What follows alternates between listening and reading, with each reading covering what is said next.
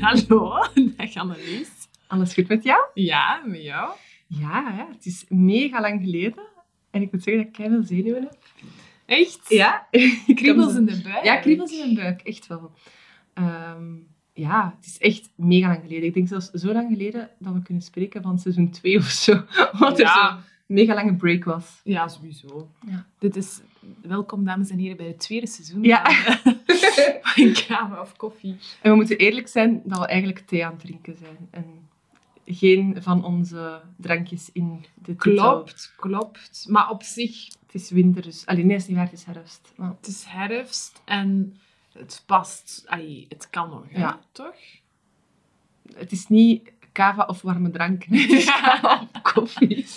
Ja, ik weet het, maar het past toch bij het gezellige van Ja, samen ja, iets waar. drinken. En, ehm, Het is vooral echt zo, ja, herfst. En... ja, en het is door de week en we hebben corona gehad en zo. Ja. We moeten niet altijd eh kava We hebben geen corona gehad, hè, trouwens. Nee, nee, maar we hebben de, de, de crisis. De, de crisis overleefd, jongens. We Ja, hebben ja. het overleefd. we survived. En eh, we hebben eh, al zoveel moeten drinken. Ja, dat is wel waar. wij zijn klaar voor een... ehm, Voor een dekentje en thee. ja, voor een tekentje. En Want thee. Bo wil de chauffage niet opzetten, want het is oktober en dan zit er blijkbaar nog geen chauffage op. dus ik zit hier onder een dekentje. Eh, een en theetje. hallo, de energieprijzen Ja. zijn enorm gestegen. Zeer actueel, inderdaad.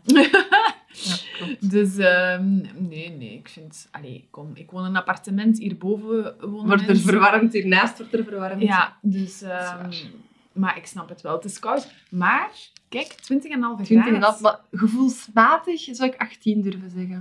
Nee, zo voelt het. Drink nog een beetje van die Ja, thee. we moeten het is nog te warm, ik moet nog Moet van je nog een kersenpittenkussen Nee, Dat heb ik ook, Maar ik heb wel kou aan mijn voeten, want je hebt een tegelvloer. En ik Ja. ben dat niet gewoon. Dat dus klopt, ik ben echt zo mijn voeten in de lucht aan het houden. Maar Dat het is oké.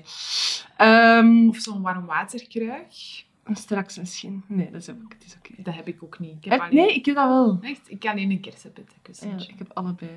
Maar ik was aan het denken... Dit is echt totaal irrelevant. Maar ik was aan het denken om een microgolf weg te doen en een Waarom? echte oven. Ah ja, je hebt zo'n combi over. Ja, maar dat is echt slecht. En dan dacht ik, oei, maar wat, wat doe ik dan met mijn kersenpittenkussen? In de pan? Nee. En dan dacht ik, ah, maar dan koop ik gewoon een warm waterkruik. Want Bo heeft zo een super authentieke ehm, fluitketel voor... heeft Kei geen waterkoker. Ja, dat is toch? Ja. Ik vind dat een, een heel authentiek geluid. ja, dat is waar. Dat gefluit. Maar eigenlijk is dat... dat- ik heb een inductievuur, hè, dus Ja. dat is direct warm. Dus Ja, dat is een is beetje absurd om een waterkoker te ko- kopen, denk ik is dan. waar. Ik heb ook gehoord dat waterkoker enorm eh, zwaar energieverbruik geeft. Dus En het is duur, hè. Het is duur. ik had het er echt over met mijn collega van de week. Dat waterkoker blijkbaar, ja, net Ja. als een droogkast, heel veel energie Ah ja, oké, dat wist ik niet. Ja, maar ik kan het me ook wel voorstellen. Ja. Dat is zo ineens een piek. Hè. Maar bon, eh, totaal niet interessant of relevant. Mhm. Eh, ik heb een leuk nieuwtje om te vertellen. Oehoe. Maar jij weet het uiteraard al. Het is een beetje raar zijn, moest je het niet weten. Want vier maanden geleden, dat, dat wil zeggen dat we al super lang niet meer hebben opgenomen, want vier maanden geleden heb ik een huis gekocht. Woehoe! Ik denk dat wij vijf jaar op zoek geweest zijn naar een huis. Dus aan alle mensen die luisteren. En we weten dat jullie met veel zijn. Als je op zoek bent naar een huis, het komt. Echt waar. Op een dag komt het. Ja, inderdaad. Proficiat Dank je, alvast. merci. Jullie moeten nog eventjes wachten Ja. voor de verhuis. Kijk, ik moet nog acht maanden wachten op een huis. Maar ik heb wel een akte al getekend. ja. En dat was wel een mega big step. Ik ben voor de eerste keer in mijn leven, in mijn 33 eh, jaar leven, eigenaar van een huis. Je bent Allee, half. Half eigenaar. Real world. Ja, jij bent al volwassener voordat ik het was. Nu gaat je begrijpen waarom dat ik de chauffage nog niet opzet. ik denk dat ik ga verwarmen op, eh, op hout of zo. Nee, nee, dat is niet goed voor het milieu. Ehm, dus voilà, dat was mijn nieuwtje. Ben aan het denken of ik nog andere nieuwtjes heb, maar ik denk het niet. Nee, maar eigenlijk ook wel een beetje eh, kunnen we het thema ook wel eh, linken. Ja, aan, ja, zeker. Aan het feit dat jullie vijf jaar gezocht hebben Ja. hè, en, en dat soort dingen. Ja. Dus ik weet niet eh, of dat jij het wilt onthullen. Ik, het ik thema wil het zeker vandaag. onthullen. Ehm, het thema dat we vandaag eh, met jullie willen... Nee, eigenlijk dat wij willen bespreken. Ja, want jullie jullie mogen... zijn niet included. Nee, jullie mogen meeluisteren. Maar voordat ik het thema vertel, kreeg ik wel onlangs van iemand die zei dat ze naar onze podcast luisteren. Ik had echt het gevoel dat ik erbij zat. En Ja, ik wou echt veel meepraten. mensen zeggen En inderdaad, hè? vrienden en zo zeggen dat, maar dat was zo iemand dat ik niet zo goed ken. En ik dacht van, oh, dat vind ik echt wel een compliment. Dat Ja. was wel fijn. Misschien moeten we zo eens een keer een vriendendag organiseren. Maar zo, ik weet, die podcast eh Zwijgen is geen optie, denk Ja. ik. Die doen dat toch zo? Real ik, ik, life... eh, ik ben daarop geabonneerd, maar ik moet toegeven dat ik nog nooit geluisterd ah, ja, real life opnames. Ja, En die van de zo'n Volksjury hebben dat ook gedaan. Maar, En dingen, eh, Alex Agnew heeft dat ook eens een keer gedaan. maar je bent nu wel podcasts aan het aanhalen die een iets groter bereik hebben dan wij. Ja, ja. Allee, ik wil niet zeggen, mijn mama gaat Ah, wel, komen maar naar onze vriendendag, mijn papa gaat komen. Ah, ah, wel, maar, vrienden. maar dan kunnen we dat gewoon hier in de living doen. Ah, ja, we moeten niks afhuren of zo. Dat gaat ons niks kosten. Geen, geen locatie Amai, maar dat wordt dan wel eh, nogal zot qua... ehm, wat betreft eh, technische dingen. Ja, ja. Als al die stemmen moeten opgenomen Door worden. één micro. ja, ja, dat gaan we eh, inderdaad. Ja. Nee. Nee. misschien. Maar wie weet, hè, we kunnen een keer samen een dagje eh, iets leuks gaan Ja, doen. Een, fa- een familieuitstap, dat kan. Een teambuilding met al onze luisteraars. Ja. Eh, maar dus nu dan tijd voor het eh, onderwerp, tromgeroffel. Eh, we, gaan het, we gaan het hebben over self-fulfilling prophecy. Wauw. Ja, ik vind dat moeilijk Wat woord een mooi woord. spreken. Mooi woord, hè? Ja, dat is wel waar. Eh, het is eigenlijk drie woorden, hè? maar. Ehm, en dat is inderdaad wel iets dat, als ik terugkijk op onze vijfjarige zoektocht naar een huis, iets waar ik wel enorm aan vastgehangen heb van dat dat de reden zou zijn. Dat het u niet gegund was. Ja, of dat wat was dan de, de, eh, de negatieve gedachtenstroom daar rond eh, de reden was waarom dat we een huis we niet gaan het nooit vinden. we- Ja, of, of ik, ik weet dat ik vaak wel zo de positieve was als we een huis gezien hadden. En dan, eh, ik beelde mij dat al in, ik woonde daar al, ik kookte in die keuken, ik legde zonnen in die tuin. Dat was, in mijn hoofd zat ik daar al. En Matthias, mijn man, is iemand dat meer van de worst case scenario uitgaat en ik altijd van het best case scenario. En we hebben daar allebei heel goed onze reden voor. Hij heeft zoiets, hoe slechter dat je denkt, hoe minder diep dat je kunt vallen. En ik redeneer, hoe positiever dat je denkt, hoe meer kans dat het gaat uitkomen. Ja, ja. En als we het dan niet hadden, dan durfde ik dat wel insteken op de negatieve gedachtenstroom of Van, van hem eigenlijk. ja, van hem, maar ook van mezelf. Hoor. Ik, ik betrapte mezelf dan op, ah shit, wat als we het niet hebben? En dan, nee, je mocht zo niet denken, je mocht zo niet denken, want dan gaan we het niet hebben. Dus mijn, mijn extreem bijgeloof... eh, Je hebt gewoon The Secret gelezen en Ja. Matthias niet. Ik heb expres, expres The Secret niet in mijn voorbereiding gezet en nu begin jij te... Ja, nee. Maar Ja, ja, maar daar gaat het wel een beetje. ja, ja, jij gelooft daarin. En Ja. hij is daar niet mee bezig, waardoor dat je een andere, allee, op een Ja. andere manier kijkt naar dezelfde situatie. Maar ik denk ook wel dat ons dat ergens heeft beïnvloed in bijvoorbeeld het uitbrengen van een bod. Van een bod. Daar ben ik echt los Ja, van door, bijvoorbeeld als, als we naar een huis gingen kijken waar we wel verliefd op waren, maar van we denken, shit, dat gaat wel veel verbouwing zijn. Of, ah, die buurt, of het een of het ander. Ja, Voor het onbekende. gedreven door angst een lager bod doen. En dat je daardoor jezelf een beetje tegenwerkt. Ja, ja, Want misschien dan- moeten we ook wel uitleggen wat die term betekent Ja. voor zij die het niet kennen. Ja. Ehm, Dat mag jij doen. Oké. Ehm, goh, ja, self-fulfilling prophecy, wat is dat eigenlijk? Dat is eigenlijk dat je gelooft, dat je een bepaald geloof hebt van iets wat in de toekomst ligt, van dat gaat zo aflopen, of dat gaat zo zijn, of ik ga mij daar zo bij voelen. Echt een overtuiging. Een overtuiging. En dat je dan eigenlijk ergens toch onbewust je gedrag daaraan gaat aanpassen, waardoor dat die overtuiging ook gaat uitkomen. Hè? Dus allee, je kunt dat zo...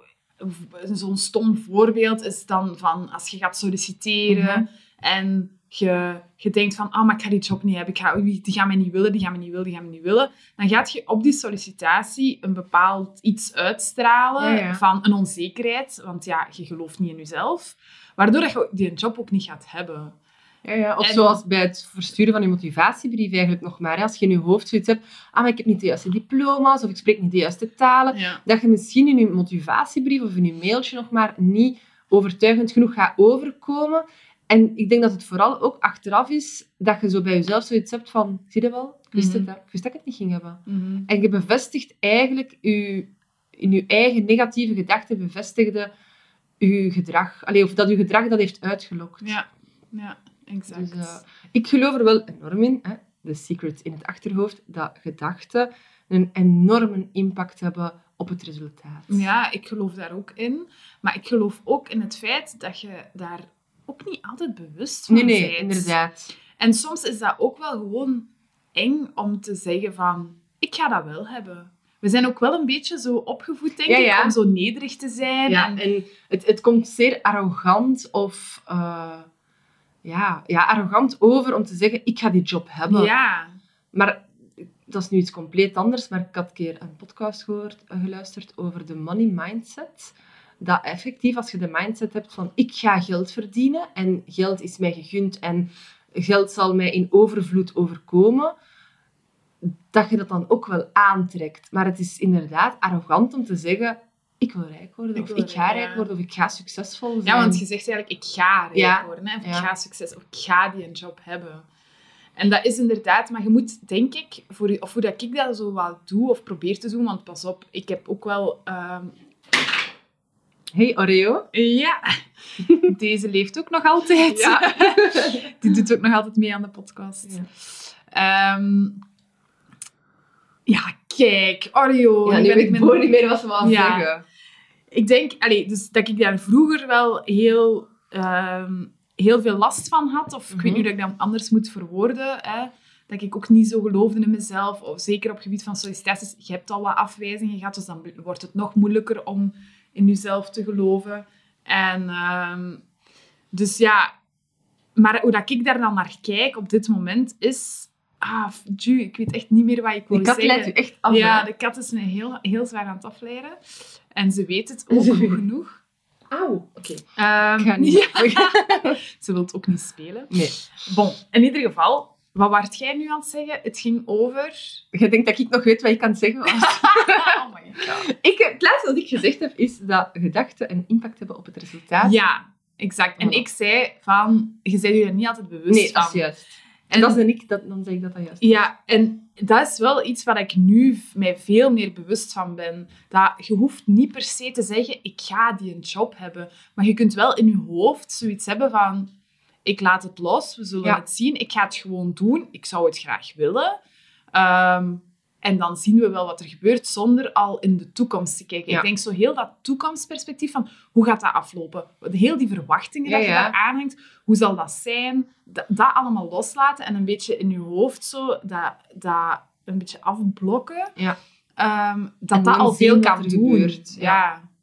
Maar dat is natuurlijk super moeilijk en dat is ook iets wat je een beetje moet trainen, denk ik. En je moet bewust van worden dat, dat daar die self-fulfilling prophecy ook onder Ja. zit. Want je hebt heel veel mensen die ook een beetje zo zich ook wel graag in het slachtofferrol Mhm. duwen. Ehm, zo van, hè, want natuurlijk, als je een slachtofferrol duwt, dan ligt eigenlijk het, ehm, de oorzaak buiten Ja, ja. jezelf. En dat is makkelijker. Dat is hè? gemakkelijker om het dan op het einde van de rit daarop te steken. Ze wouden van- mij niet. Ze Ja. wouden mij niet, want ja... Ja, maar ze zochten iemand dat Frans sprak. En ja, mijn Frans is niet goed genoeg. Ja. Zo, ja. ja. Ja, dat is waar. Dat is inderdaad een, een soort van verschuiling achter ja, uw, uw angsten eigenlijk. Hè.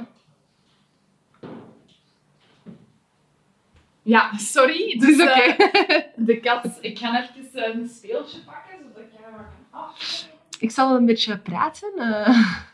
Ja.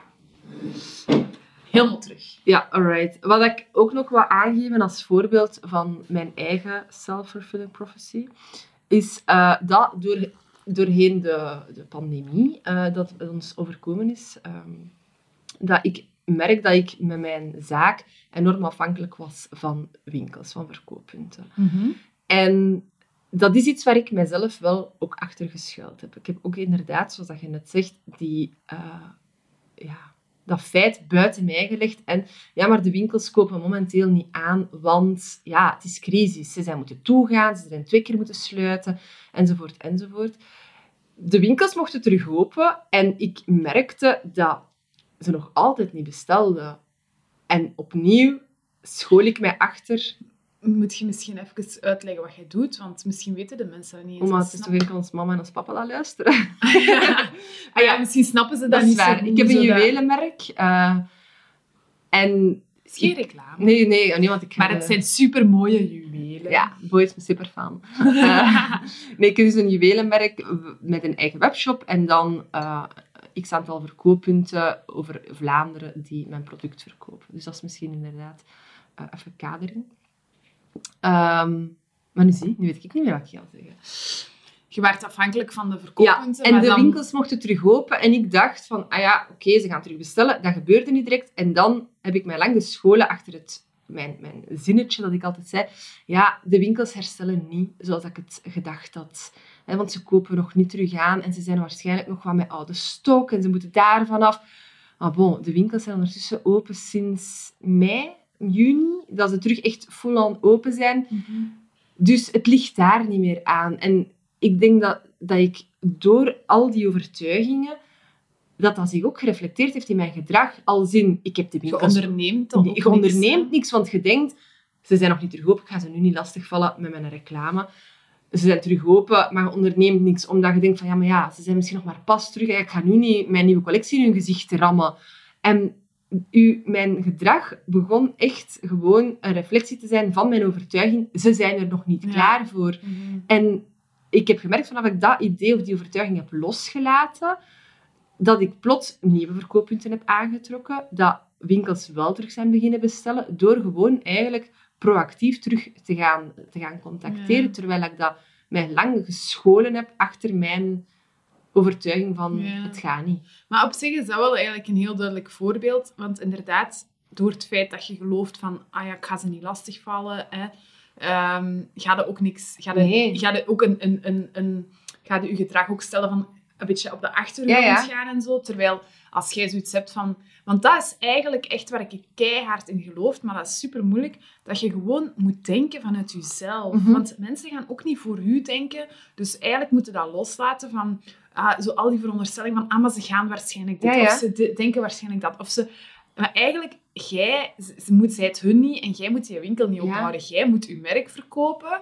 Dus jij moet je job doen. En zij Ja. zullen wel zeggen van, goh, nee, Nee, nu absoluut, dat is waar. En je wilt niet pusherig overkomen of je wilt jezelf niet opdringen, maar inderdaad, Het is wel een job natuurlijk. Ja. Ja. En ik heb dat gemerkt bij een van de verkopers dat ik dan een berichtje gestuurd had. Van, oh ja, ik wou je al de hele tijd sturen, maar ja, het kwam er dan niet van. Dus goed dat jij stuurt, want Mhm. ja, ik ben super enthousiast. Ja, kom maar langs. En dan denk ik, ja, zie dat ik dat nu drie maanden geleden gedaan. Dan, allee. Ja, En dat is, allee, maar bon, zo mogen ook niet denken.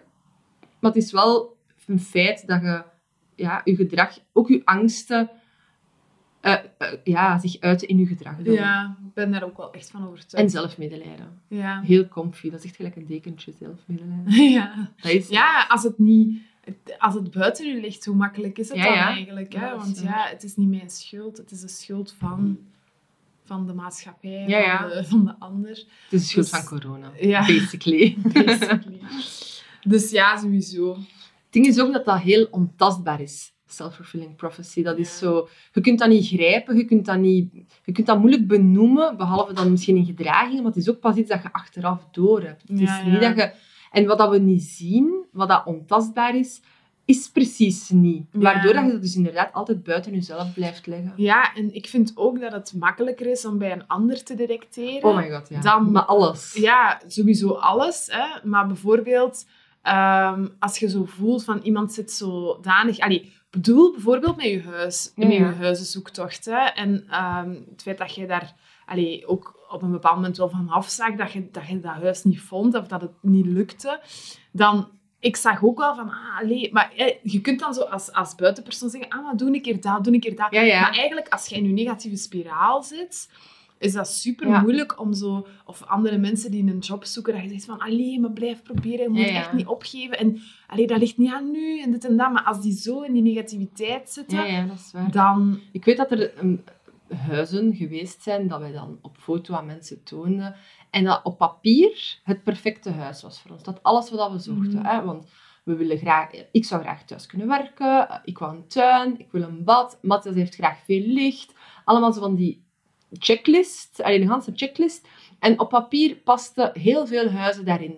En als mensen dan vroegen, alleen maar waarom doe je geen bot? We voelden het niet. En ik ben er wel van overtuigd, je moet het voelen. Met een huis, je hebt een klik of je hebt het niet. En het huis dat we nu gekocht hebben, daar ben ik echt verliefd op. Maar ook dat is iets, we hadden misschien al drie jaar geleden een huis kunnen hebben, dan nu kunnen verkopen, om dan nu in ons droomhuis te gaan wonen. We hadden sowieso al eerder een huis kunnen hebben als we ons, onze angst voor het settelen ook, want wij wonen heel goed en heel graag in ons appartement, maar zo'n huis, dat is wel ineens een commitment dat je aangaat Ja, met het ja. idee van hier gaat je wel langer blijven dan in een appartement. En vanaf Hoewel dat je... uiteindelijk ook lang in het appartement gaan zit. ja, negen jaar in ons appartement gewoond hebben en mijn plan was om daar drie jaar te wonen. Ja, Dus, ja. ja, Nee, nee, maar ik snap het wel. Het is een ander leven uiteindelijk in een appartement dicht bij de stad Ja, of ja. in de stad. Ehm, het, is, het is veel eh, flexibeler Ja, ja. Het, het commitment dat je aangaat voor een huis is toch nog anders. En als je het dan niet voelt, dan vonden wij het nooit de reden om het te kopen. Maar ook dat is een vorm van self-fulfilling prophecy. Want ja, zo, vaak dat mensen zeggen zo ga je nooit een huis vinden. Ja. En dat is niet zo, want we hebben een. Maar in, op dat moment voelt dat inderdaad ja. wel zo Maar je hebt uiteindelijk ook eh, commitments moeten maken met dit huis. Hè? Allee, je kunt nooit, nooit eh 100% Het is 99% checklist. Ja, voilà. en, eh, ja, Maar op zich is dat goed, hè? Ja. Maar je wou eigenlijk voor de 100 gaan. Ja, hè? ja, sowieso. Maar dat is altijd. Dat is altijd zo, ja, natuurlijk. Ja. ja, kijk, maar zo ziet je maar dat het, ehm, dat het wel echt bestaat. Ja. en dat het gewoon super moeilijk is. Maar ik denk wel als je er bewust mee bezig bent, dat het sowieso wel makkelijker wordt om te detecteren. Wat ik ook wel ehm, vind, allee, of, of ehm, ook gelezen had, en, en ik was me daar niet bewust van, maar eigenlijk is het super logisch, dat dat uiteindelijk ook ehm, eh, de verwachtingen dat je hebt ten opzichte van een andere persoon, dat dat die Mhm. andere persoon kan beïnvloeden. En zo ver was ik ja, nog niet in die self-fulfilling prophecy, want het noemt ook self-fulfilling prophecy. Ja. Maar uiteindelijk heeft het ook te maken met, met jezelf. Hè? Maar bijvoorbeeld, allee, eigenlijk vind ik zo racisme daar wel nog zo een goed voorbeeld van. Omdat als... Allee, dat is helemaal niet correct, maar... ehm, bijvoorbeeld, als we, als we spreken over, over mensen van andere origine... Mhm. Allee, zeker in de jaren 90 of vroeger werd daar ehm, nog anders over gesproken dan dat daar nu over gesproken wordt. Maar oké, racisme blijft, is en blijft een feit. Ehm, maar als er eigenlijk van jongs af aan constant iemand tegen u zegt van ja, maar jij bent van, ik zeg nu Marokkaanse afkomst, Mhm. jij hebt geen toekomst, je gaat crimineel zijn of je gaat, je gaat geen diploma's Ja, halen. je gaat geen goede punten halen. Jij moet naar het BSO gaan. Want Ja, dat- ja. allee, als iemand dat constant tegen u zegt, dan gaat je dat op een duur zelf geloven. En dan gaat je je daar ook naar gedragen. Ja. Want waarom de fuck zou jij dan nog je best doen op school als je toch weet, dat, allee, of als je toch denkt te weten Mhm. dat je het niet gaat kunnen? Ja, dan... Dat is waar. En eigenlijk is dat wel, allee, als je het zo gaat bekijken, is dat wel eigenlijk een groot probleem, want dat zijn ook allemaal vooroordelen. Mhm. Uiteindelijk heeft self-fulfilling prophecy ook te maken met een vooroordeel. Ja, ja. Een vooroordeel over hoe dat jij denkt dat de situatie gaat, gaat zijn. Dat is gestoeld op niks. Daar Mhm. is ja. geen enkele... Allee, dat is echt puur vooroordeel. Dat is puur op basis van ja, voorgaande Overtuigingen ja, van- overtuigingen, ja, negatieve andere overtuigingen. voorbeelden, maar uiteindelijk... Allee, dus, ehm, Ja, inderdaad ook zo andere generaties of vrienden. Of dat je ziet, ah ja, maar die slagen allemaal niet, dus jij doet ook wel niet slagen. Ja, en ik vond, allee, ik heb dat zo als kind ook al gehad, omdat ik, ehm, omdat ik dyslexie heb. Hè? Mhm. En ehm, ja, ik ben eigenlijk helemaal niet voor labels. Allee, vandaag, als ik daar dus vandaag op terugkijk. Omdat effectief, je krijgt dat label en je gaat je ook gedragen aan dat label. Want ik kan echt honderd voorbeelden geven. Had ik niet geweten dat ik dyslexie had. Pas op, ik geloof dat dat voor sommige mensen echt een hulp kan zijn. Maar voor mij was het dat echt niet. Want mensen zeiden... Allee, dus van bovenuit werd er tegen mij gezegd... Jij kan niet lezen en schrijven. Hè? Dus, want daar komt het eigenlijk Ja, ja. op neer. Zonder dat ik dat zelf al eigenlijk goed en wel ervaren had. Want op mijn vier jaar is dat vastgesteld. Vier? Hè? Mijn vier jaar Dan kun je toch nog niet lezen of schrijven? Nee, maar dat is op basis van cognitieve Ah, testen en zo. Ik weet niet. Bij mij is dat pas eh, vastgesteld toen ik in het vijfde leerjaar zat, Ja. denk ik. Bij Wat mij, al laat is. bij mij is dat vastgesteld omdat mijn vader dat ook heeft, mijn Ah, broer ja. dat ook heeft. En dan, omdat dat iets erfelijk is. Ehm, maar ja, bon, maakt niet uit. Het ding is, ik heb dat dan vastgesteld gekregen, nog voordat ik het eigenlijk zelf goed en wel besefte. Waardoor dat ik ook zenuwachtig werd als ik moest voorlezen Ah in de klas. tuurlijk, ja. Of als ik iets moest doen qua lezen of weet ik veel wat, of, of schrijven of zo. Of zo, kent het nog zo die testen voor je leesniveau met die chronometer. En Ja, dan eh, moest je binnen de tijd lezen. Ja, ik heb nooit... Mijn leesniveau was altijd 0 of 1 of zo, omdat ik dat ook niet kon. Ja. Omdat net iedereen zei dat ik dat niet kon. Ik weet nog dat ik in het eerste middelbaar, eh werd ik opnieuw getest, omdat ik naar een nieuwe school ging. En ik had het leesniveau van iemand van het derde leerjaar. Mm. Maar gewoon al de stress inderdaad van die timing. Ja. Van te weten, ik kan niet goed lezen. Dat maakte gewoon dat je, dat je toeklapt. Ja. En hoe hard is dat voor een kind? Want uiteindelijk, in het eerste middelbaar is een kind van 12. Om te horen, je hebt het leesniveau van een achtjarige. Dat is keihard, hè? Ja, ja.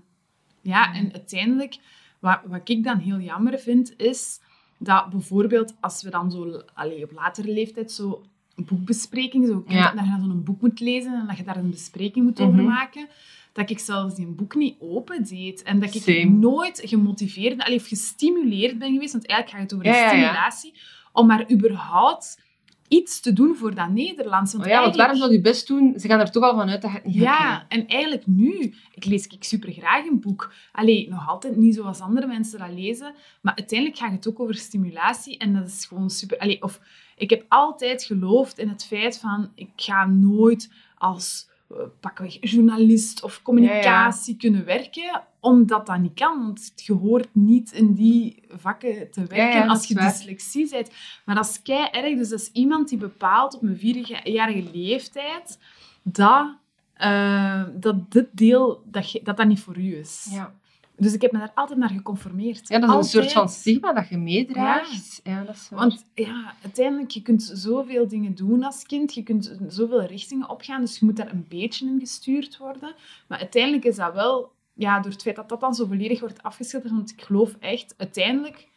Allee, heb ik een masterdiploma. Ik heb een thesis geschreven. Ja, en je hebt nu toch ook in de communicatie Ja, ik heb uiteindelijk inderdaad in de communicatie eh, beland. Maar het- dat is, net, het- dat is net het hele zotte. Ik geloof echt dat je dat kunt leren. Ik geloof als Ja, ja. dyslect dat je op een bepaalde ehm, manier... Je gaat altijd een ander gevoel hebben met taal dan Dat andere is- mensen. ja. Dat geloof ik wel. En het is niet dat ik wil ontkennen dat dat bestaat of zo. Dat niet.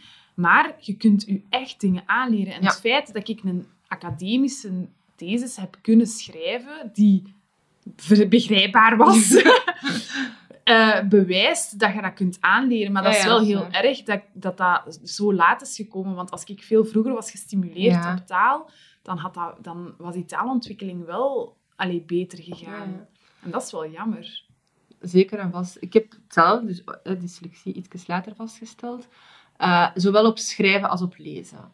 En op schrijven heb ik voor mezelf, als ik daar nu over nadenk, het is echt omdat we het er nu over hebben, dat ik daar pas over nadenk. Voor schrijven heb ik mezelf heel veel methodes aangeleerd Ja. om te, omdat gewoon, mijn hoofd zit vol met regels. Ja. En ik zeg die regels nog elke dag op. Echt elke keer als ik iets moet schrijven met een D of een T, dan vervoeg ik dat om te weten, is het mijn D, is het mijn... Zo constant zeg ik die regeltjes in mijn hoofd op. En voor het lezen heb ik mezelf altijd gezegd, ja, maar ik kan niet goed lezen. Al, nog altijd op vandaag. Ja, maar ik lees niet graag, want ik lees, ik lees extreem traag, maar echt extreem traag. En ik was gisteren in een winkel waar ik iets moest lezen en ik zei tegen die vrouw, ja, sorry, ik lees heel traag. En ik dacht tegelijk, waarom verontschuldig ik mij over het feit dat ik traag lees? Dat is... Dat, ik bestempel dat zelf al als een handicap. En door dat te zeggen, besef ik dat ik nog trager begon te lezen. En Ja. dan was ik enorm bezig van, ja, die vrouw zit nu echt naar mij te kijken. Ja. Ja. die zit nu te denken, ah, maar die is inderdaad wel echt heel traag. En dat En dan zo doe je het gewoon alsof en dan denk je, ja, ik ben klaar. Exact. Ik heb gewoon dat boekje teruggegeven. Zo, ja, ja, merci hè. Oh my god, echt exact. Dan begin je gewoon alsof te doen. En dan denk je van, ja, nu begint het echt wel gênant te worden dat ik nog maar aan zin 3 zit. Dus ik ga boek gewoon teruggeven. Ah, ja, verschrikkelijk. En dat is, ja... Maar wel grappig dat je op, op binnen dezelfde diagnose, op die twee disciplines, dat ik daar dan heel anders op gereageerd heb. Dat ik bij lezen niet zoiets gehad heb van, fuck you, ik ga mijn eigen hier leren lezen. En ik ga sneller leren lezen, of ik ga zorgen dat ik die fouten niet maak. En dat ik dat bij het schrijven wel, dat, dat mij dat wel gelukt is. Ja, ja. Ja. Ik weet dat ik vroeger in de klas ook altijd, dan zo, je weet dan, je gaat moeten voorlezen. Je Oh. gaat luidop moeten lezen. Altijd zo naar, be- naar beneden kijken, naar beneden Ah, nee, ik las, ik las het stukje dat ik wou lezen. En dan stak ik rap mijn hand op. En dan dacht ik, ik heb het al gelezen, dus een tweede keer gaat dat vlotter gaan. Je gaat minder die fouten maken, je gaat minder over woorden struikelen. En dan stak ik rap mijn hand op, maar dan iemand anders ook. En dan zei hij, eh, ja, leest jij maar voor. En dan mocht ik niet. En dacht ik, fuck, ik moet volgende studeren. En dan ik, oh my god. Ja, Ja, ja. Maar het ergste is dat je dan dus heel die les gefocust bent op dat specifieke ding. je bent echt en in niet aan- flip. Je bent totaal niet aan het opletten. Waardoor dat je ook weer een achterstand haalt. Want je mist een helft en je bent meer gefocust op dat. Dus dat is ook allemaal self-fulfilling prophecy uiteindelijk. hè? Want je denkt dan, ah, ik kan het niet. En dan tijdens als je moet leren voor je examen, dan denk je van, "Oh, fuck, wat is deze? Maar ja, je hebt ook de helft van de les niet opgelet, omdat je bezig bent met stress. Dus uiteindelijk is dat, is dat ook super Mm. logisch. En dat is ook het ding, heel de self-fulfilling prophecy is een mega vicieuze cirkel. Mhm. Waar dat, je, dat moeilijk is om daar uit te breken. Ja. Omdat je zo in een negatieve spiraal van, van gedachten zit. Hoewel dat ik ook wel denk dat je ook dat op een positieve manier kunt toepassen, zonder dan arrogant over te komen bij jezelf en Ja. te zeggen, ik ga die job hebben. Maar dan gaat het meer over... Ik had het manifesteren genoemd daarnet, maar jij zei Ja, affirmaties. affirmatie. hè. Uiteindelijk Ja. is dat waar het secret over gaat, toch? The secret. De Bijbel bedoel je. Bijbel. Nee, nee, maar we hebben het daar in een andere aflevering ook over gehad. Over Ja. affirmaties. Ik weet ja, niet meer in welke aflevering. Ik ook niet, maar dat was toen ik in Gans met een flip zat van de Miracle Mornings. Ah, dat ging over zelfhulpboeken. ja. Ah ja, ja, voilà. Ja. En dat Ja. dan inderdaad over affirmatie ging. En dat jij toch ook... Allee, ik weet niet of dat jij dat toen in een pod- podcast hebt uitgelegd, maar dat jij ook bijvoorbeeld zo ehm, brief schreef naar jezelf of, of bepaalde dingen Ja, opschreef. In die Miracle positieve- Morning zat een, een stukje dat je moest doen, dat je dus effectief journaling hè, schrijft. Eh, maar affirmaties was een apart themaatje, dus je moest... Dat is erg, want ik doe het dus niet meer, obviously. Ehm, maar je moest een stukje mediteren en dan moest je schrijven. En dan moest je affirmaties opzeggen, en dan moest je visualiseren en dan moest je sporten. En ik denk dat ze dat is. Ik heb zes gezegd, ik weet het niet. Maar alleszins, schrijven en affirmaties waren twee aparte dingen. Maar soms bundelde ik dat wel samen van inderdaad die affirmatie op te schrijven. Want ik vind het heel raar, ze zeggen dan voor Miracle Morning, hè, dat die affirmatie, dat je zo de hele tijd iets tegen jezelf moet zeggen als een soort van mantra. Mhm. Maar ik vond het awkward om zo tien minuten lang hetzelfde zinnetje te Ja, zeggen ja. van... Ik ga rijk worden, ik ga rijk worden, ik ga rijk worden. dus ik schreef het gewoon op. Ehm, Maar ja, ik ga rijk worden. Nee, dat was niet mijn affirmatie meer. affirmatie. wow, volgens de secret niet. Ik ga de lotto winnen, ik ga de lotto winnen. Ah, ja. Ze vergeten wel te zeggen dat je moet een lotje moet kopen. Want ik zeg dus al tien jaar. nee. Ehm, Ah.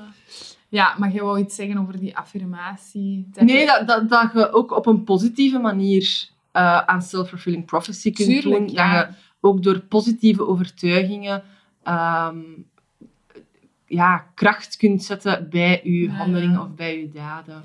Ja, en ook... ehm, uiteindelijk gaat dat ook een beetje over doelen stellen. Hè? Ja. Als je... Hè, bijvoorbeeld, om nu maar te nemen, ik ga rijk zijn. Ja. Uiteindelijk gaat je daar...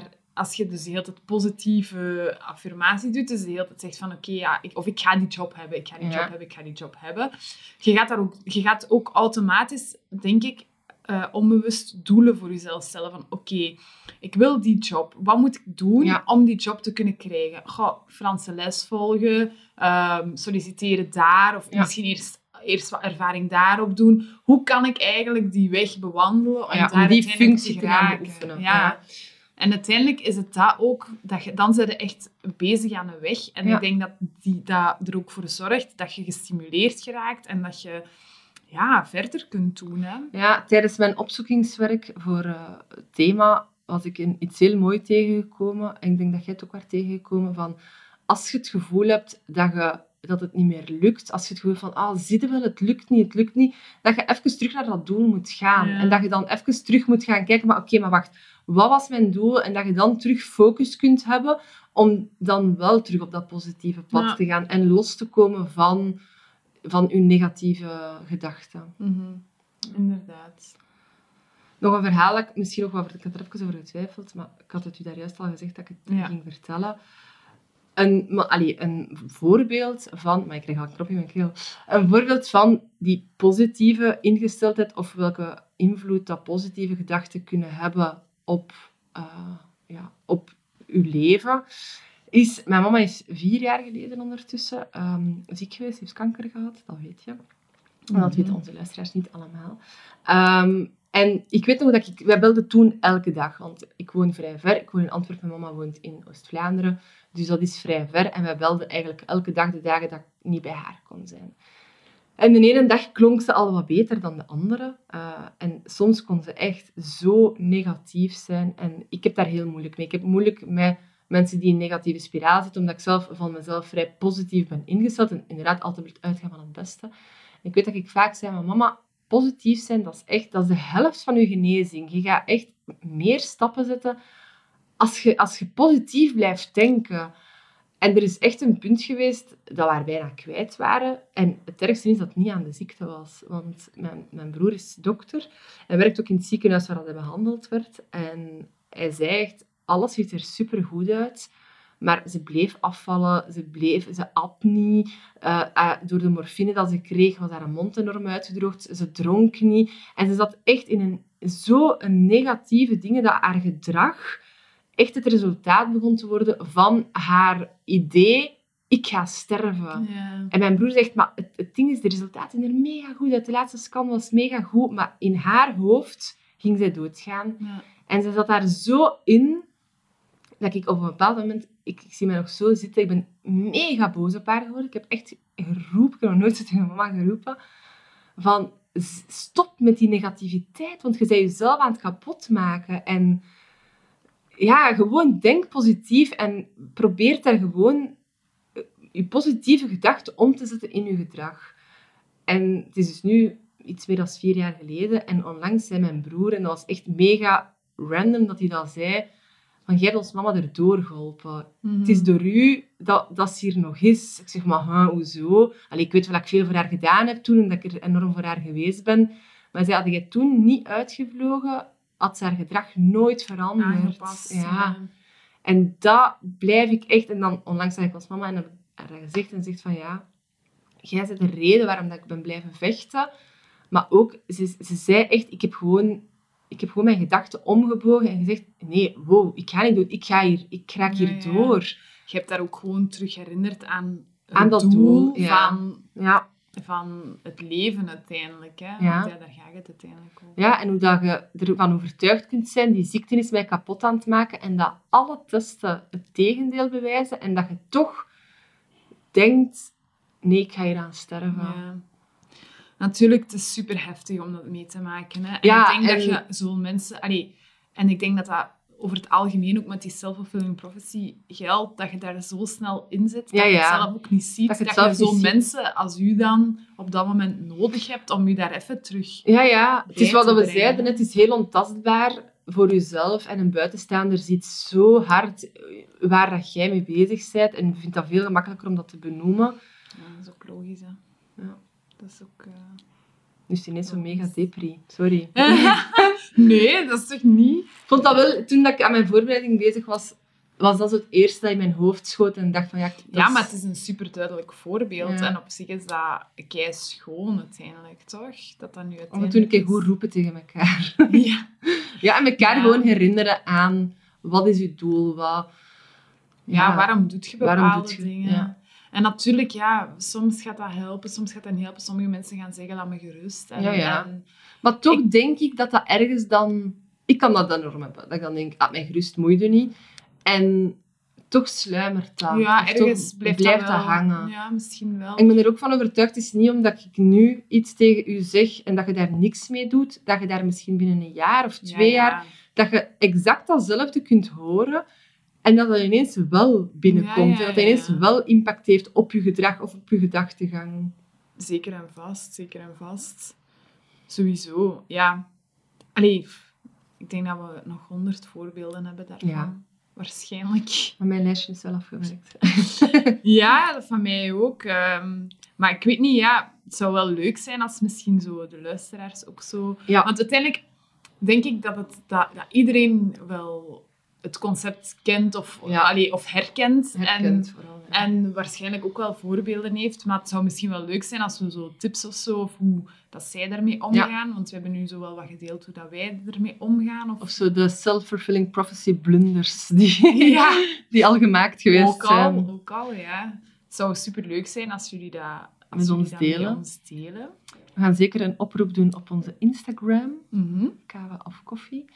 Ehm, en daar kunnen jullie ook altijd alles delen. Yes, en dan kunnen we die misschien volgende keer eh, delen. De- de Ja, We kunnen er zeker een aantal eh, voorlezen of ook gewoon delen in onze stories. Yes, dat is keigoed. Alright. Dat was mooi simultaan. Ja, dus eh, ik denk dat het erop zit voor vandaag. En eh, tot volgende keer. Vonden we het leuk? Ik vond het superleuk. Ja, ja, mijn stress is ook weg. Oké, Dus, dus, eh, dan, dan, dan komt er nog meer van het ja, tweede ja. seizoen. Seizoen 2 Het blijft niet. niet uit één aflevering. Phew. Alright. Oké. Salut. Dag.